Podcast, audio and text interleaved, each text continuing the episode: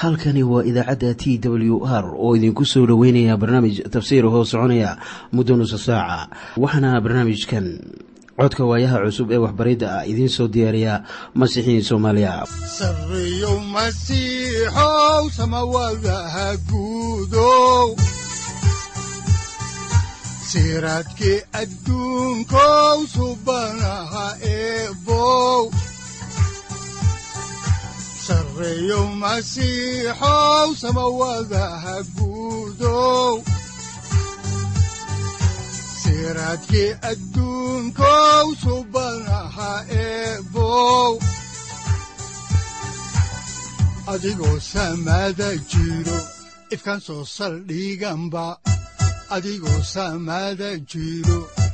soo saldhiganba kutubtiisanaye wuxunogu saaciiday sharxin sifahaaga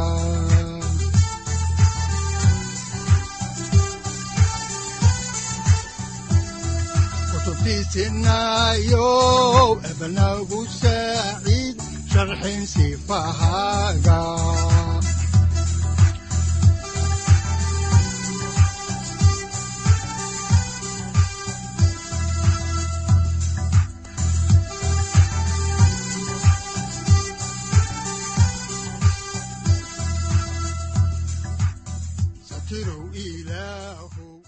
ku soo dhowaada dhegaystayaal barnaamijkeenna dhammaantiinba.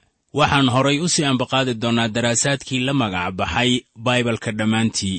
Waxaannu caawa idiin sii wadi doonnaa barashada kitaabka falimaha rasuullada. Haddaba kitaabka falimaha rasuullada waa kitaab taariikhi ah oo ay tahay in qof waliba wax uu ka barto si uu ku garto taariikhda kitaabka ahdiga cusub. Waxaanan caawa idiin bilaabi doonnaa cutubka laba-iyo tobanaad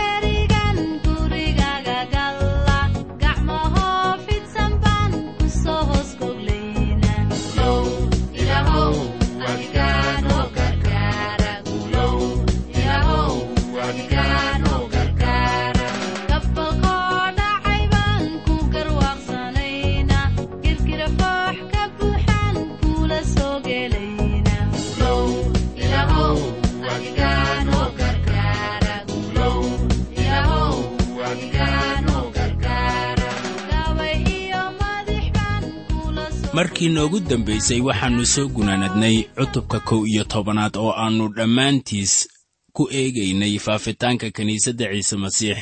Waxaanan aragnay sida masiixiyiintii hore ay isugu xidhnaayeen oo ay u midaysnaayeen waxay ahaayeen dad masiixinimadoodu ayan ahayn afka un laakiin ay tahay ficil. Waxaana la aasaasay kiniisad kale oo ku tilay antiyokh oo ahayd dhulka giriigta caawana waxaannu soo gelaynaa cutubka laba iyo tobanaad oo mawduuciisa uu ku saabsan yahay dhimashadii rasuul yacquub iyo qabashadii rasuul butros. Marka ay sidaas tahay ayaannu ku arki doonnaa cutubkan laba-iyo tobanaad silicii ku yimid kiniisadda wakhtigii herod agribagii koowaad. Yacquub waa la dilay butrosna waa la xabisay laakiin si mucjiso leh ayuu ku baxsaday. Herodos waxa uu u dhintay ciqaab kaga timid xag ilaah inkastoo silac yimid haddana kiniisaddii way sii koraysay. Hadalladii ilaahna way faafeen balse aynu haatan ku horumarno maaddada koowaad ee ka hadlaysa dhimashadii rasuul yacquub. Haddaan markii ugu horraysay idiin bilowno xigashada cutubka laba-iyo tobanaad ee kitaabka falimaha rasuullada ayaannu eegaynaa aayadda koowaad ee baalka laba boqol iyo soddon ee axdiga cusub. Waxaana qoran sida tan. Haddaba wakhtigaas boqorkii herodos ahaa ayaa wuxuu gacmihiisa u fidiyey inuu dhibo qaar ka mid ah kuwii kiniisadda. Herodoskan boqorka ah waa herodos agribagii koowaad oo uu awoowe u ahaa herodoskii noolaa wakhtigii ciise masiix uu dhalanayay oo doonayay inuu dilo. Ciise masiix qudhiisa markii raggii xikmadda lahaa ay yimaadeen oo ay sheegeen in boqor uu ku dhalan doonay beytlaxam haddaba qoyskaasu waxay ahaayeen qoys nac weyn iyo xumaan kala soo hor jeeday ilaah. Inta aynu ka garanayno ayaan idiin sheegayaa inaannu jirin xubin ka mid ah qoyskaas oo ilaah doondoonay wixii haatan ka horreeyey ayaa silicu wuxuu ka imaanayay madaxdii diinta oo ay u horreeyeen sadokiinta iminkase waxay u soo wareegtay dowladda ama xukuumaddii ay ka talinaysay dhulkii israa'iil. Silacan wuxuu ka soo gudbay madaxdii diinta wuxuuna haatan hoos yimid siyaasiyiinta. Laga yaabo herodos inuu sidan u samaynayay si uu raallinimo kaga helo kooxahii diimaha ee awoodda lahaa. Waxaannu garanaynaa inuu gacmihiisa u fidiyey inuu dhibo kiniisadda qaar ka mid ahaa. Haddaba dhib oo keliya laguma soo koobi karo wixii uu ku sameeyey kiniisadda. Wuxuuse dusha ka saaray silac iyo saxariir. Haddaan horay idinku sii wadno xigashada kitaabka ayaannu eegaynaa kitaabka falimaha rasuullada cutubka laba iyo tobanaad aayadda labaad. Waxaa qoran sida tan wuxuuna seef ku dilay yacquub oo ahaa yooxanaa walaalkiis. Haddaba xaqaa'iqaas bannaanka ayaa la soo dhigay oo waxaa laynoo sheegayaa in yacquub seef lagu dilay. Yacquubna wuxuu noqday shahiid kale oo u dhintay kiniisadda. Wuxuuna noqday shahiidkii labaad ee magaciisa laynoo sheegay. Waxaan rumaysanahay inay jiraan kuwo kale oo aan halkan lagu qorin balse u dhintay ama loo dilay magaca sayid ciise masiix haddaan horay idinku sii wadno xigashada kitaabka falimaha rasuullada oo aan eegno aayadda saddexaad ee cutubkan laba iyo tobanaad waxaa qoran sida tan. Oo markuu arkay inay ka farxisay yuhuudda ayuu weliba ku daray inuu soo qabto butros. Maalmahaasna waxay ahaayeen maalmihii iidda kibista aan khamiirka lahayn. Yacquub seef baa lagu dilay laakiin butros ayaa ka badbaaday in la dilo waxaanan halkan ku arkaynaa tusaale ku saabsan sidii ilaah oo ka doonayo kiniisadda oo aan cidna lagala tashanin. Waxaa laga yaabaa inaan garan weyno wixii yacquub loo dilay oo butrosna loo daayey inuu sii noolaado. Waxaase jawaabtu ay noqonaysaa in ilaah sidaas uu ka dhigay ama jeclaystay inay sidaasi ahaato. Waxaa markaasi wanaagsan inaynan la yaabin waxyaabaha ilaah uu doono inuu sameeyo. Maxaa wacay? Koonkan isagaa leh oo ma ahan mid innagu aynu leennahay kiniisaddana isagaa iska leh oo dad iskama lahan. Gacanta rabbiga ayaa laga dul arkayaa kiniisadda. Rasuul yacquub wuxuu ka mid ahaa madaxdii kiniisaddii yeruusaalem wuxuuna raalle ka noqday in herodos uu seef ku dilo butros isaga qudhiisu wuxuu ahaa nin madax ka ahaa kiniisadda ilaahna isaga wuu badbaadiyey. Haddaan horay idinku sii wadno xigashada oo aan eegno kitaabka falimaha rasuullada cutubka laba iyo tobanaad aayadda afaraad waxaa qoran sida tan. Oo kolkuu qabtayna wuxuu ku riday xabsi. Uu u dhiibay afar kooxood oo afar askari ah inay ilaaliyaan isagoo doonaya inuu iidda kormaridda dabadeed dadka u soo saaro haddaba marka la leeyahay istarka ayaa loola jeedaa iidda kormaridda. Waayo labadaasi ciid waa isku wakhti. Sidaad og tihiinba waad xusuusataan baan filayaa ciise wuxuu cashadii ciidda kormaridda la cunay intaan la qodbin ka hor xertiisa. Markaa yuhuudda joogtay yeruusaalem ayaa wakhtigan dhowraya iidda kormaridda laakiin iyaga u iidi maayaan istarka oo ah markii ciise masiix dhimashada uu ka soo sara kacay. Waxaan markaasi arkaynaa in herodos uu kooxo badan u dhiibay butros. Waxay ahaayeen afar kooxood kuwii ninkan ilaalinayey miyaydnaan garanaynin inuu ka shakisnaa in qof uun uu samato bixin doono butros. Haddaan horay idinku sii wadno xigashada kitaabka oo aan eegno sidii butros loo samato bixiyey waxaan ka eegaynaa kitaabka falimaha rasuullada cutubka laba iyo tobanaad aayadda shanaad. Waxaana qoran sida tan. Sidaas daraaddeed butros xabsigaa lagu hayey laakiin kiniisadda baa ilaah aad iyo aad ugu bariday isaga. Waxaa markaasi tarjumada saxda ahi ay noqonaysaa in kiniisaddu ay ilaah aad iyo aad ugu barisay furashada simon butros. Waxaan markaasi arkaynaa in jameecadii ay ilaah baryo la hor yimaadeen waxaanay ahayd in ninkan simon butros ah la soo furto. Waxaanay si rasmi ah oo kal iyo laab ah ugu tukadeen butros haddaan xaalkaasi horay idinku sii akhrinno oo aan eegno kitaabka falimaha rasuullada cutubka laba iyo tobanaad aayadda lixaad waxaa qoran sida tan. Oo markii herodos uu damcay inuu soo saaro isla habeenkaas butros wuxuu kala dhex hurday laba askari isagoo ku xidhan laba silsiladood. Waardiyayaalna albaabka hortiisa ayaa xabsiga ay ka ilaalinayeen. Waxaa su'aalay ay ka imaanaysaa sida butros hurdo ay ku qaban karto uu ku dhex jiro labadan askari. Waxaad xusuusataa inuu ku dhex hurday beertii getsemane waxaan idinku leeyahay simon butros ma ahayn qof welwel badan oo ay ku adkayd inuu seexdo wax dhib ah kuma haynin seexashada oo lama mid ahayn dadka welwela markii dhib uu la soo gudboonaado. War muxuu kalsooni weyn ku qabay ilaah? Markaan uu awooday inuu dhex seexdo laba askari isagoo welibana u dhexeeya dhimasho iyo nolol.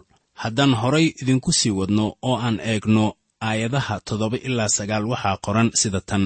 Oo bal eega malaa'igtii rabbiga baa is ag taagtay oo iftiin baana xabsiga iftiimiyey. Markaasay butros dhinaca ku dhufatay oy toosisay oo waxay ku tidhi dhaqso u kac. Kolkaasaa silsiladihiina gacmihiisa ka dhaceen. Markaasaa malaa'igtii waxay ku tidhi gunto oo kabahaaga xidho taas buuna yeelay. Markaasay waxay ku tidhi isagii dharkaagii huwo oo isoo raac. Markaasuu soo baxay uu raacay. Ma uuna garanaynin in waxaan malaa'igtu ay samaysay ay run tahay laakiin wuxuu u maleeyey inuu riyo arkayo. Malaa'igtu waxay u sheegtay inuu labisto ama gashado dharkiisa. Waxaanan arkaynaa inaanay jirin wax uu ka baqayey waxaana loo sheegayaa un wax macquul ah. Markaasay butros la noqotay inuu riyoonayo oo kabala'aan ayuu soo baxay.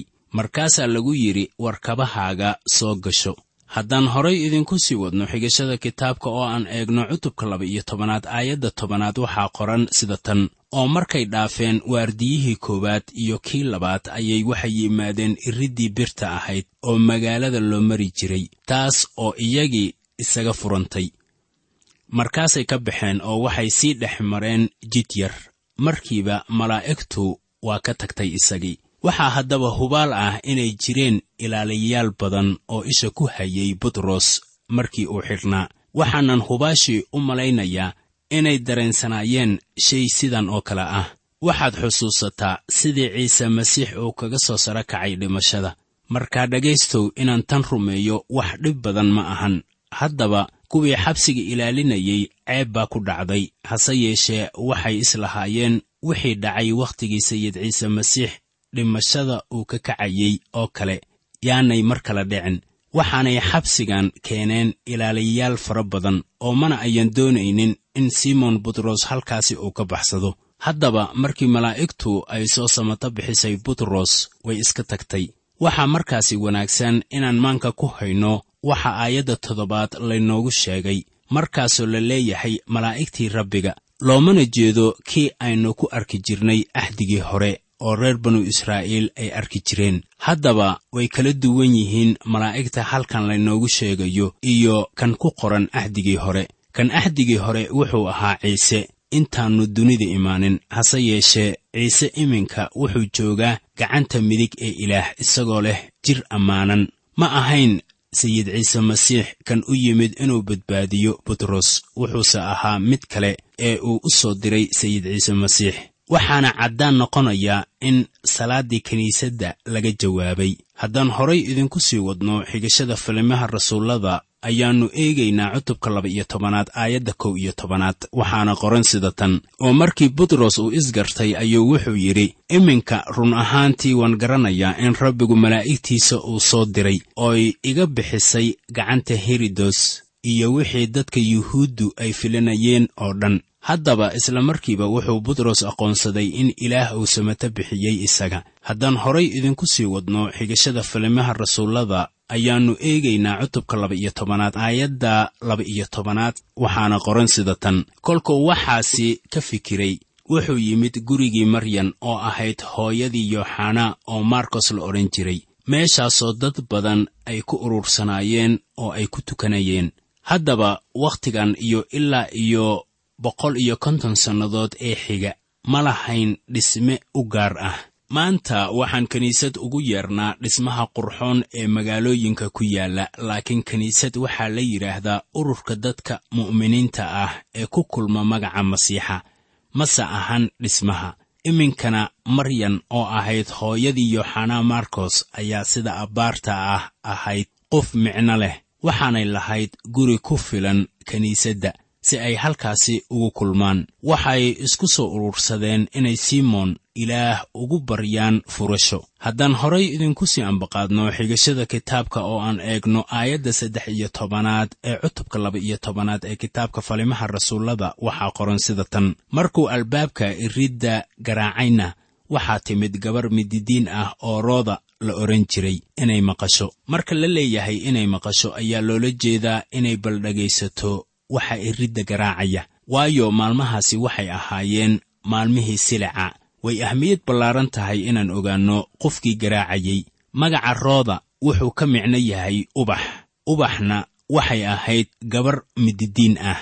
Haddaan horay idinku sii wadno xigashada kitaabka ooan eegno aayadda afar iyo tobanaad waxaa qoran sida tan. Kolkay codkii butros garatay farxad darteed bay albaabka u furi weyday laakiin gudaha bay ku oroday wayna sheegtay in butros ridda uu hortaagan yahay. Waxay gabadhani ilowday sida loo furo albaabka farxad darteed sidaan arkayno.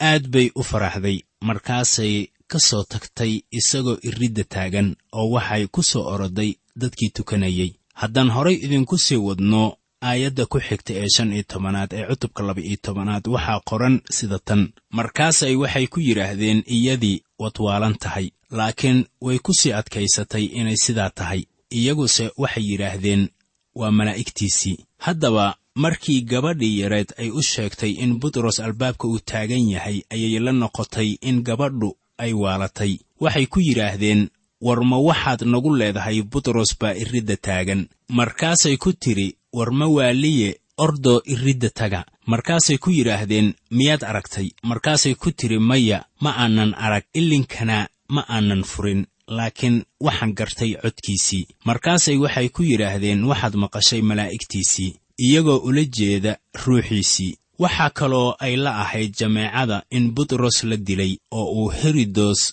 seef ku dilay. Waxaase yaabka leh waxa weeye in kiniisaddu ay u tukanaysay simon butros furashadiisa waana la soo furtay. Laakiin markii la soo furtay kiniisaddu ma ayan rumaysan isla markiiba. Waxay la noqotay in la dilay oo uu ruuxiisa yahay wixii ay arkeen. Haddaba markii aad eegto dhacdadaasi waxaad arkaysaa in innaga qudheennaba aynu tukanno. Oo markii ilaah uu inoo soo jawaabo waxay inala noqotaa sida inuuna weli soo jawaabin oo waxay inagu noqotaa filanwaa hase yeeshee butros wuxuu sii garaacayey ilinka waxayna iminka isleeyihiin war qofkan ilinka garaacayaa armuu isaga yahay. Hase yeeshee ninna furi maayo ilinka waayo lama ahayn in baryadoodii laga soo jawaabay. Laakiin waxay ka doodayeen in waxa garaacayaa uu butros yahay ama inuu ruuxiisii yahay. Butros wuxuu doonayey inuu soo galo wuxuuna iminka ku dhow yahay inuu iridda soo jebiyo. Haddaan qisada halkaasi ka sii wadno oo aan eegno kitaabka falimaha rasuullada cutubka laba iyo tobanaad aayadaha lix iyo toban ilaa toddoba iyo toban waxaa qoran sida tan. Laakiin butros waa sii garaacay oo kolkay albaabka fureenna way arkeen isagii wayna yaabeen. Laakiin isagoo u gacan haadinaya inay aamusaan ayuu wuxuu u sheegay sida rabbigu uu xabsiga uga soo saaray wuxuuna ku yidhi waxyaalahan u sheegay yacquub iyo walaalahaba markaasuu ka tegey oo meel kala aaday. Haddaba indhahooda wixii ay ku arkeen ayay rumaysan waayeen oo waxaa ku adkaaday inay rumaystaan in baryadoodii la aqbalay. Iminkana butros magaalada ayuu ka baxay waxaase laisweydiin karayaa wixii butros aannu u garanin in ilaahii ka soo bixiyey xabsiga uu ku ammaano yeelayo yeruusaalem hase yeeshee ilaah wuxuu doonayaa inaan caqligeenna isticmaalno oo aynan ku soconin fikradda ah in mar waliba mucjiso laynoogu samato bixinayo. Ilaah wuxuu ku dhowri karay meeshiisa laakiin ilaah wuxuu ka malaynayaa inuu isticmaalo maskaxdiisa. Mararka qaarkood wax inoola muuqda mucjiso ayaa noqonaya sida inaan ilaah jarribayno in kastoo ilaah waxyaabo mucjiso ah oo la yaab leh uu inoo sameeyo ayuu haddana inaga doonayaa inaan caqligeenna isticmaalno ee aynan mar waliba odhanin mucjiso ayaa laynagu badbaadinayaa. Haddaan horay idinku sii wadno xigashada kitaabka oo aan eegno kitaabka falimaha rasuullada cutubka laba iyo tobanaad aayadda siddeed iyo tobanaad waxaa qoran sida tan. Markii waagu baryey qasmid aan yareen ayaa askartii ka dhex kacday waxa butros ku dhacay aawadeed. Waxaad eegtaa sida luukos oo ah qoraha falimaha rasuullada uu ku fasirayo qaskii weynaa ee ka yimid furashadii simon butros marka ditor luukos uu leeyahay qas weyn baa halkaasi ka dhacay. Welibana cutubka shan iyo tobanaad markaasoo diintii yuhuudda lagu soo daray kiniisadda ayaa ditor luukos uu leeyahay waxaa halkaasi ka dhacay kala tag iyo cuqdad waxaan markaasi halkaasi ka ogaanaynaa in ditor luukos uu garanayo erayada ku habboon dhacdo waliba. Markii askartii ay arkeen in simon butros u baxsaday ayaan hubaa in loo yeedhay kalabar ciidankii boqortooyada. Waxaanay bilaabeen inay guri waliba baaraan. Waxaaba suuragal ah inay ciidamo u direen duleedka magaalada si aannu u baxsanin. Waxaana taasu ay dhalisay buuq weyn haddaan horay idinku sii wadno xigashada kitaabka oo aan eegno kitaabka falimaha rasuullada cutubka laba iyo tobanaad aayadda sagaal iyo tobanaad waxaa qoran sida tan. Oo herodos markuu raadiyey isagoo heli waayey ayuu wuxuu imtixaamay askartii oo wuxuu ku amray in iyaga la laayo. Markaasuu yuhuudiya ka tegay oo kaysariya aaday oo meeshaasuu joogay. Haddaba waxaan arkaynaa in herodoskan haatan xukunka haystaa uu la mid ahaa herodoskii laayay carruurtii wakhtigii sayid ciise masiix uu ku dhalanayay beytlaxam wuxuu ahaa nin naxariis daran oo qalbi adag danna aan ka lahayn nolosha bini'aadanka. Markii uu laayay ilaaliyayaashii ayaan arkaynaa inuu dunida u sheegayo in furashadii butros ayaan la ahayn ficil ilaah uu sameeyey. Wuxuu taasi mas'uul kaga dhigayaa raggii ciidankiisa ahaa. Markaasuu laayay ciidamadiisii oo dhan ee ilaalinayay butros dabeetana wuxuu aaday kaysariya oo ahayd goob loo dalxiis tago. Bilaatos ayaa aad u jeclaa inuu halkaasi tago. Welibana badankood madaxdii ciidamada roomaanka ayaa halkaasi degganaa waxayna sida muuqata ahayd xaruntii reer rooma ay fadhin jireen. Reer rooma isla sidii bilaatosba uu ahaa ma ayaan qiimayn jirin yeruusaalem mana ayaan jeclayn yeruusaalem oo loo yaqaanay magaaladii boqorka. Iminkana herodos wuxuu fasax gaaban u aaday kaysariya. Iminkana waxaannu soo gaarnay maaddada u dambaysa oo ah dhimashadii herodoskan arxanlaawaha ah.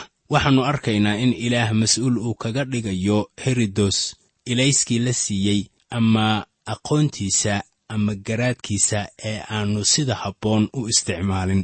Haddaan xigashada kitaabka falimaha rasuullada horay idinku sii wadno oo aan eegno kitaabka falimaha rasuullada cutubka laba iyo tobanaad aayadda labaatanaad waxaa qoran sida tan. Dadka tursos iyo sidon ayuu aad uga xumaaday markaasay u yimaadeen iyagoo isku wada qalbi ah oo waxay la saaxiibeen bilaatos kii gurigii boqorka u talin jiray oo nabad bay ka baryeen maxaa yeelay waddankooda waxaa cuntada siin jiray waddankii boqorka. Reer tursos iyo sidon ayaa boqor herodos la lahaa xidhiir baayac mushtari oo markii uu ka xumaaday sida reer turos ay wax u wadaan ayaa baayac mushtarigii uu ka hallaabay. Markaasay u yimaadeen inay sasabtaan herodos haddaan horay idinku sii wadno xigashada kitaabka oo aan eegno aayadda kow iyo labaatanaad waxaa qoran sida tan. Maalintii la ballamay ayaa herodos wuxuu gashaday dharkii boqornimada oo carshiga ku fadhiistay. Markaasuu iyaga khudbo u jeediyey. Haddaba herod waa faan badnaa uu qab weynaa. Wuxuuna ahaa mid hadalyaqaan ah wuxuuna la mid ahaa ama lagu masaali jiray siyaasiyiinta maanta kuwaasoo aan lahayn go'aan siyaasadeed laakiin mar waliba u istaaga hadba xisbiga ay doonaan. Haddaba herodos wuxuu ka mid ahaa ragga lagu tilmaamo kuwa masiixa mucaarada. Yooxanaa ayaa taasi inoogu sheegaya warqaddiisii koowaad cutubka labaad aayadda siddeed iyo tobanaad waxaana uu yidhi carruurtiiyey waa saacaddii u dambaysay oo sidaad maqashaan inuu kan masiixa ka geysta ahi imaanayo weliba iminka kuwo badan oo masiixa ka gees ah ayaa kacay. Taas aawadeed ayaynu ku garanaynaa in saacaddii u dambaysay ay tahay. Markaana waxaan arkaynaa in dad badan ay u haysteen herodos sida ilaah. Haddaan horay idinku sii ambaqaadno xigashada kitaabka oo aan u wadno horay cutubka laba iyo tobanaad aayadaha laba iyo labaatan ilaa saddex iyo labaatan waxaa qoran sida tan. Dadkiina waa qayliyeen oo waxay yidhaahdeen kanu waa ilaah codkiis ee ma aha bini'aadan codkiis markiiba ayaa malaa'igtii rabbiga ay ku dhufatay. Maxaa yeelay ilaah ma uu aaminin markaasaa waxaa cunay dixriyo oo naftiina ka dhacday. Waxaan saaxiibayaal idiin sheegayaa inaan ilaah ammaantiisa cidna la wadaagaynin. Waxa uu ku leeyahay kitaabkii ishaaciyah cutubka afartan iyo labaad aayadda saddexaad ee baalka sagaal boqol toddoba iyo labaatan ee axdigii hore sida tan. Anigu waxaan ahay rabbiga kaasuna waa magacayga oo sharaftaydana mid kale ma siin doono oo ammaantaydana sanamyo xardhan innaba ma siin doono. Haddaan soo koobno kitaabka falimaha rasuullada ayaannu eegaynaa cutubka laba iyo tobanaad aayadaha afar iyo labaatan ilaa shan iyo labaatan. Waxaa qoran sida tan. Laakiin rabbiga hadalkiisu waa kordhay oo batay. Barnabas iyo sawlos ayaa ka soo noqday yeruusaalem markay shuqulkoodii soo dhammaysteen oo waxay wateen yooxanaa oo la odhan jiray markos haddaba yooxanaa markos wuxuu antiyokh la tegay barnabas iyo sawlos xusuuso inay yeruusaalem keeneen deeqdii kiniisadda loo soo diray. Waxaanan iminka soo gaarnay dhammaadka qaybtii labaad ee kitaabka falimaha rasuullada masiixow samawadaha guudow siraadkii adduunkow subanaha eebow adigoo samada jiro ifkan soo saldhiganba adigoo samada jiro ifkan soo saldhiganba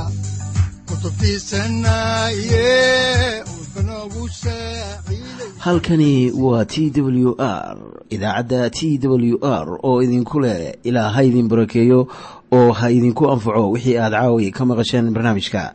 Waxaa barnaamijkan oo kalaa aad ka maqli doontaan habeen dambe.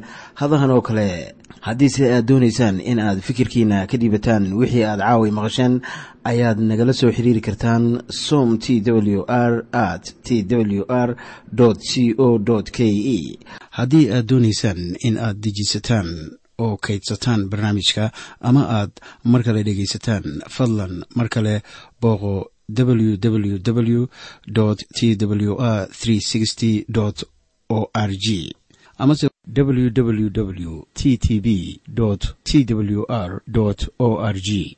Amase waxaad teleefoonkaaga ku kaydsataa ama ku download garaysataa agabyada ku sahli karaa dhegeysiga t w r haddii aad doonayso in laga kaalmeeyo dhinacyada fahamka kitaabka amase aad u baahan tahay duco fadlan fariimahaaga soo mari bogga aaraahda ama kommentska inana jawaab degdeg ah ayaanu ku soo diri doonaa amase ku siin doonaaye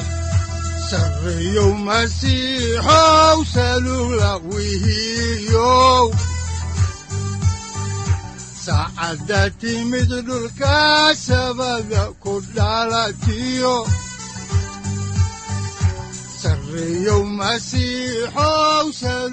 halkani waa t w r oo idiin rajaynaya habeen baraare iyo barwaaqaba leh. Inta aynu ka gaari doono wakhti aynu ku kulanno barnaamij la mida kan caawayay aad maqasheen. Waxa aan idinku leeyahay nabadda ciise masiix ha idinku badato xagga jidhka iyo ruuxaba. Aamiin